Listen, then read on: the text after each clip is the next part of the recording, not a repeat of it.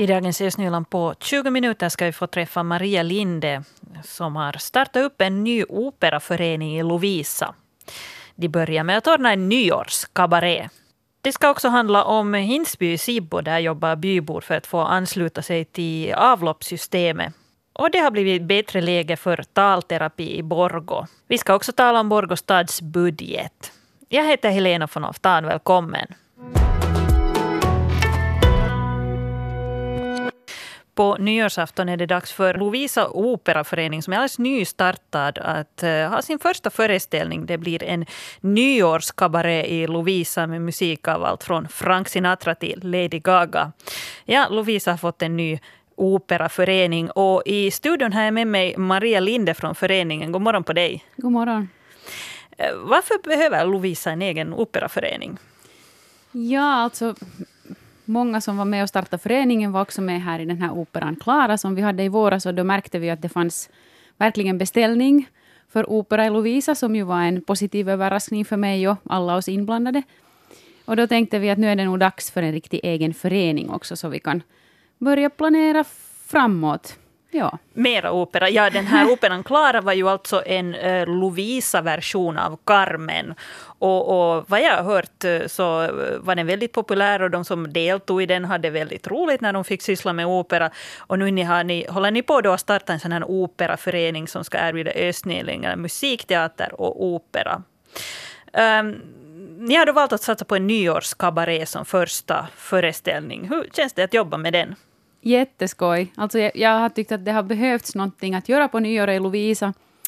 Och jag är jätteglad att vi kan erbjuda nu alla en sån här glittrande show. Ja. Vad allt kommer att, att eh, finnas med i den här showen? No, alltså nu har vi ju proffsiga musiker, proffsiga sångare. Vi har uh, sånggruppen Lovisette från Lovisa som ganska ofta brukar sjunga med big band. De är ju en härlig, härlig grupp med vacker stämsång. Och så har vi då Jeanette Sarström och jag som sångare och så har vi då ett, ett proffsband. Och så har vi faktiskt fått ett tillägg nu, två dansare från Dansinstitutet ska också vara med. Och så har vi ju vår härliga koreograf Amandine Duat som är både dansare och cirkusartist. Och hon kommer att både göra vår koreografi och vara med på scenen, så det ska nog bli en fin show. Mm. Har det varit lätt att få folk med i det här projektet? Jo. ja, ja, Men det är ju liksom många bekanta från Operan Klara och, och, och också nya, nya ansikten. Men uh, alla blev nog direkt liksom inspirerade och folk som jag har hört på stan har också varit jätteivriga över det här. Att det verkar nog finnas liksom beställning på en sån här Mm. Men den här kabarén, jag, jag funderar att uh, operan Klara var ju då tydligt opera, men mm. här, här om det är då Frank Sinatra Lady Gaga så det är det kanske lite annan musikstil. Det, det är en helt annan musikstil, ja nu är det mera mot, uh, no, ja, lätt musik, vi har musikal, uh, schlager. Det är lite lajdaste lajtan ja, inom vad ska man säga, mera, mera lätt musik. Mm. Mm. Ja. Kan du ge ett exempel på en låt du själv ska uppträda med? Mm. No, om vi nu tar den här Lady Gaga här så har vi Bad Romance. Okej, okay, mm. ja. Så det kommer bland annat det att bli fråga om i den här nyårskabarén. Uh, hur är det liksom, uh, Operan Klara var som uh, du var inblandad i här tidigare, så var ju en sån här blandning av proffs och amatörer. hur ser det ut nu med er nyårskabaré? No, här är ju största delen proffs och jag skulle säga då att no, dansarna, två unga dansare vi har med är ju då på det sättet amatörer och Lovisette är ju halvproffs kan man väl säga. De sjunger ju jättemycket tillsammans. Så att, ja. Mm. Men resten är ju sen proffsmusiker. Nu blir det då en nyårskabaré som första föreställning. Eh, hur mycket övningar blir det här under hösten? No, nu, vi har lite kommit igång, men det kommer nog att bli ganska intensivt här nu småningom, från början med november. Att, att två ganska intensiva övningsmånader på kommande. Men vi har på det sättet spännande att en, en sångare, Linda Sletis från Lovisette, hon bor ju i Danmark. Och Oho. så har vi ju Jeanette Sarström som nu bor i Stockholm. Så det har ju varit intressant att pussla ihop de här övningstidtabellerna kan jag säga. ja men det är ju ofta så där med alla projekt att det är det där praktiska som, som är det svåra. Så är det. Ja. Uh, hur känns det nu att jobba med ett sånt här nyårskabaré? Att ha ett nytt projekt sådär att bita i? Alltså det är ju jätteskoj att få planera liksom nu. No, för det första fundera vad ska det vara för låtar, hurdan show ska det bli och sen också nu med kläder och allting. Det är liksom hela helheten, det, det är nog jätteskoj. Och vi har ju så fint samarbete med Kino Marilyn. De är jätte, jätteproffsiga och, och, och välvilliga. Och jag tycker det är jätteskoj att vi kan vara i centrum av Lovisa och få in ganska mycket folk också. Där. Du är då frilansmusiker och uh, musiklärare. Hur, hur, liksom, hur, viktigt är det för dig personligen att få, få göra sådana här specialprojekt och jobba med sådana här uh, många människor på det här sättet? Nej, nu är det ju det jag brinner för, att, att det är jätteskoj uh, man får förstås inte göra för mycket att man brinner upp, men, men det är nog väldigt, väldigt givande. Ja. Mm, mm. Ja, du äh, jobbade med den här operan Klara här tidigare. Vad, vad, fick du med i bagaget från operan Klara som du kan använda nu för vidare projekt? No, jag lärde mig jättemycket och just den här tanken jag hade i operan Klara från början att jag vill jobba med, med vad ska jag säga, vänliga, hjärtliga, proffsiga människor som, som får alla att känna sig trygga och glada. Och då blir slutresultatet också för publiken jättebra. Och det är det jag liksom tror på och vill fortsätta jobba med. Att, att det är sådana människor jag gärna samlar omkring mig. Mm, ja. Sådana som du vill ha med i Operaföreningen. Ja. Det blir alltså uh, två föreställningar på nyårsafton uh, klockan sju och halv tio och sen uh, kan man njuta av kabarén också på trettondagsafton, söndag den 5 januari. Det var Kino Marilyn visst som det här jo. var platsen jo. på. Ja. Men vad händer sen? Vad kommer Operaföreningen att satsa på sen? Blir det mera kabaréer, mera opera? Ja, säkerligen.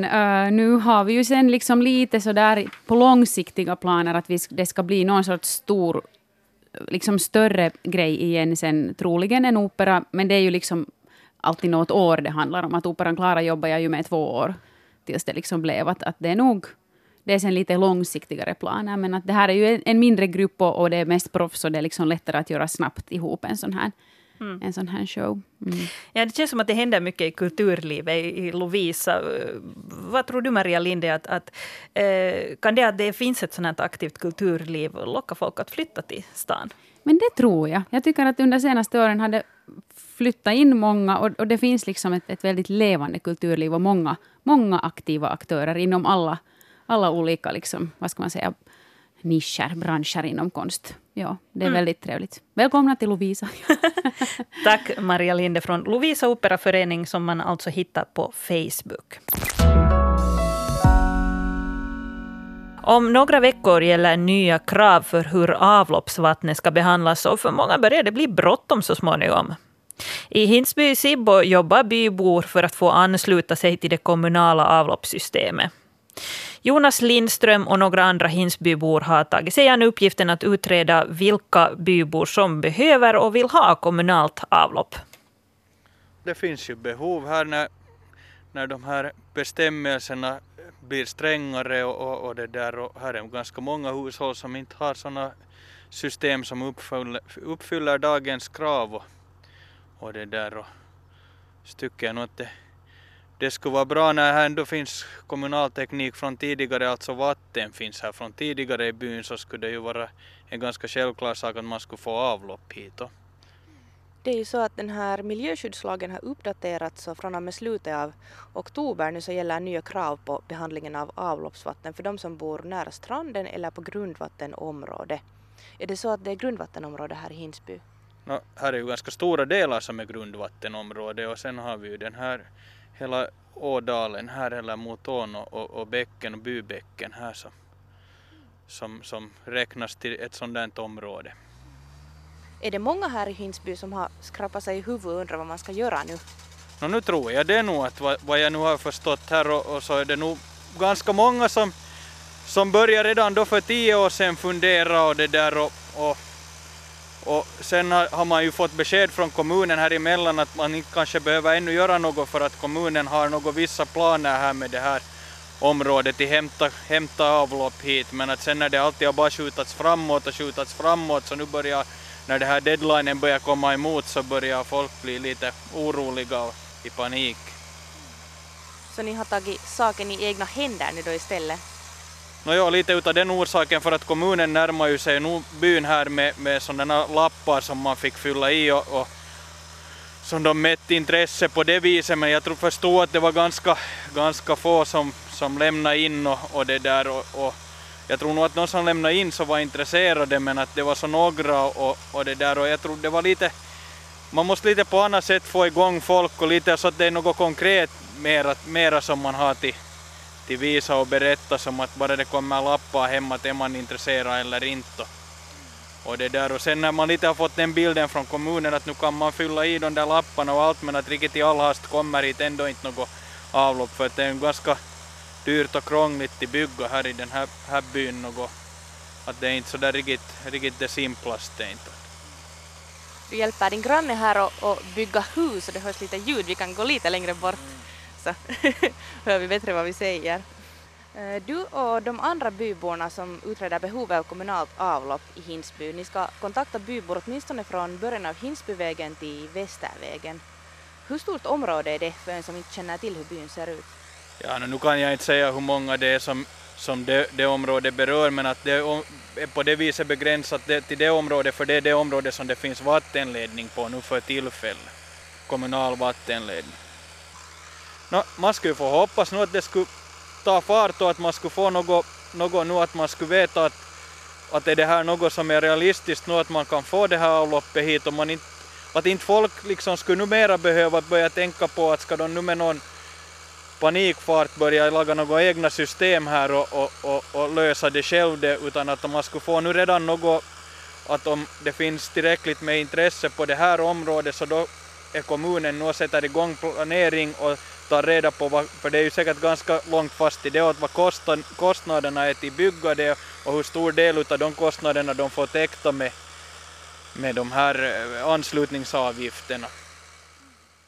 Det säger Jonas Lindström. Enligt affärsverksdirektör Matti Uttunen från Sibbo vatten så kan Hinsbyborna anslutas till det kommunala avloppsvattennätet om det finns tillräckligt stort intresse i byn. Över hälften av fastigheterna måste vilja ansluta sig för att det ska bli av. Om Hinsbyborna samlar in namn i vinter så betyder det att ärendet kan behandlas nästa år. Då skulle själva arbetet med att installera kommunalt avlopp i Hinsby kunna påbörjas tidigast år 2021. Och reporter här var Mira Bäck. För ett år sedan rådde det skriande brist på svenskspråkiga tal och ergoterapeuter i Borgå. Idag är situationen en annan. Köerna är fortfarande långa men betas av tack vare nyanställda terapeuter. Nu har vi två svenskspråkiga talterapeuterna. Situationen är mycket bättre än i, i fjol. Och en av dem är fastställd, fastanställd och nu den andra är vikarie men nu, har, nu är, tjänsten är öppen och vi har en ansökande. Alltså, det låter jättebra. Säger Elisa Roine, servicechef vid förebyggande tjänster. Och förutom två talterapeuter har staden nu tre fastanställda svenskspråkiga ergoterapeuter. I Borgå arbetar nu Solveig Nystedt som fastanställd och Michelle Ekman vikarierar men har sökt den andra tjänsten. Nystedt upplever att situationen har förbättrats avsevärt sedan i fjol. Nu är det mycket bättre att jobba nu. Att för ett år sedan så fanns här inte en enda svenskspråkig talterapeut. Och jag kom själv tillbaka i januari från vårdledighet och jobbade bara 60 procent. Så att då gick ju ganska långsamt framåt eftersom jag bara jobbade tre dagar. Men att sen fick vi Michelle kom hit på sommaren och då var jag själv borta, jag var själv länge på semester men att från och med augusti har vi varit två svenskspråkiga talterapeuter på plats. Så då har köerna gått rätt så mycket framåt. Michelle Ekman, hur var det att komma hit? Var det att komma som ur askan i elden? Du kanske visste om att det var en sån situation där det var brist på, på talterapeuter och, och en ganska lång kö? Mm.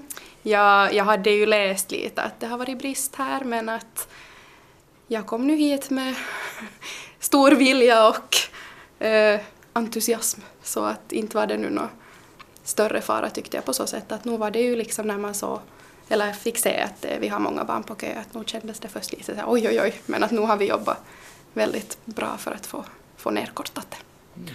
Och terapeuterna har hittat en egen metodik i att arbeta konstruktivt och effektivt för att förkorta väntan till mottagningen. Vi jobbar mycket med grupper, att barn får gruppterapier, att vi har båda bedömningar och sådana barn i förskoleåldern har vi gjort på det sättet att det är jag som drar grupperna. Och också Michelles barn har kommit i mina grupper. Så att det där, hon gör mera bedömningar och jag drar mycket terapier. Men när det är många på en gång i terapierna så går kön snabbare framåt. Eh, men vad, vad gör ni alltså när, när ett barn kommer hit och, och får terapi eller ni bedömer. Eh, jag ser att det finns någon spökbuslåda och det finns monsterlandet-låda på, på, på bordet här. Va, Michelle, vad, vad gör du med barnen för att sporra eller för att se deras eh, problem eller deras färdigheter? Mm. Vi jobbar ju mycket via spel mm. för att det ska vara roligt och motiverande. Och sen är våra bedömningsmaterial är ofta liksom utformade som böcker eller lite liknande på så sätt så att det, det är liksom en roligare nivå. Att man inte ska känna att man bara blir testad. Det kanske är en svår fråga det här, men hur länge behöver man, måste man vänta nu? Om, om vi går ett år tillbaks så, så förstår jag att det, det kan vara upp till ett halvt år. Men vad ungefär är den här väntetiden nu för att man ska kunna komma och få en bedömning? Det är alltid svårt att säga en exakt tid. Men så snabbt som möjligt. ja. Nu försöker vi få in alla barn från vår kö nu senast innan på våren. Är kön väldigt lång? Den har minskat mycket, om vi säger så. Men det finns ännu barn i kö. Ja. ja. Och det finns barn som har köat länge som mm. inte ännu har fått terapier, ja. tyvärr.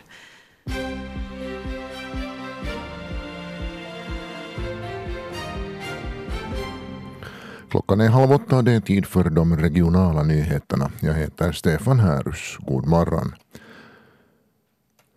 Stora utgifter och stora inkomster, så ser Borgostads budgetförslag ut för nästa år. Ännu går det bra för Borgo, men det beror på stora delar på de stora inkomsterna från samfundsskatten. De skatter staden får från företag är nämligen ovanligt höga i år och nästa år. Nästa år förutses Borgo få in 32 miljoner euro i samfundsskatt, vilket är dubbelt mer än normalt. Samtidigt har staden ändå stora utgifter och måste börja dra åt svångremmen. Stadsdirektör Jukka-Pekka Ujula konstaterar att Borgå stad inte kan räkna med så stora inkomster varje år som nu är fallet. I Sibbo valde däremot kommunstyrelsen igår att remittera budgetförslaget för nästa år. Kommunstyrelsens ordförande Kaj Lindqvist, SFP, säger att styrelsen fick handlingarna först på fredag och behöver tilläggsinformation. Kommunstyrelsen vill bland annat se på kommundirektörens förslag att minska bildningsutskottets budget med 860 000 euro och social och hälsovårdsutskottets med 910 000 euro. Man önskar dessutom få mera information om vissa pensionsavgifter som saknas i budgetramen. Likaså vill styrelsen ha information om verksamhetscentret Vägskälet vars administration flyttar över från social och hälsovårdsutskottet till kommunstyrelsens utvecklingsenhet. Här finns oklarheter om budgeterade medel för 1,7 miljoner euro. De sammanlagda besparingarna för nästa år föreslås bli 2,3 miljoner euro i Sibbo.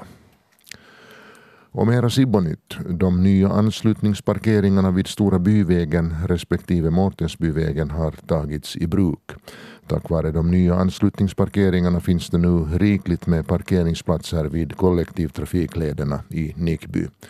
Anslutningsparkeringen vid Stora byvägen har parkeringsrutor för cirka 90 bilar och parkeringen vid Mårtensbyvägen cirka 25 parkeringsrutor. För närvarande görs de avslutande arbetena vid rondellen i korsningen av Mårtensbyvägen och Nickbyvägen. En vargstaty av konstnären Pekka Paikkari ska installeras i mitten av rondellen. Rondellen, anslutningsparkeringen och lättrafikleden invigs officiellt imorgon på eftermiddagen.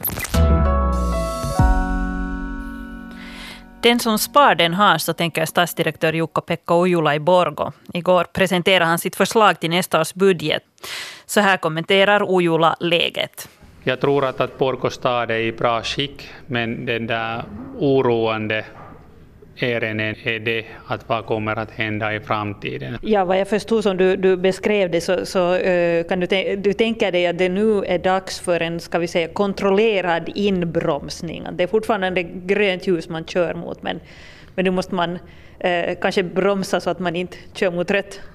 No, det, det är just så att vi har ju märkt att, att det här Analysen påvisar att det finns oro att vad kommer att hända efter några år i Borgostads ekonomin och förstås det, det finns det här nationella ekonomiska läget sysselsättningsfrågorna och, och, och förstås det att vad staten kommer att göra med till exempel social och hälsovården och allt annat. Va, vad kan Borgostad göra? Vad kan man spara in på? No, det finns också, därför det är väldigt viktigt att erkänna att, att kanske det finns möjligheter att spara från, från lokaliteterna, hur många utrymmen vi har, eh, använder vi alla resurser så optimalt som möjligt eller, eller finns det någon, någonting annat att göra? På sätt och vis, jag tror att det här servisnivån som vi har i Borgå E, e är, är väldigt bra, så kan man tänka på lite annorlunda sätt, den där servisnivån det, det är en fråga som vi måste utreda och, och diskutera under de här närmaste månaderna.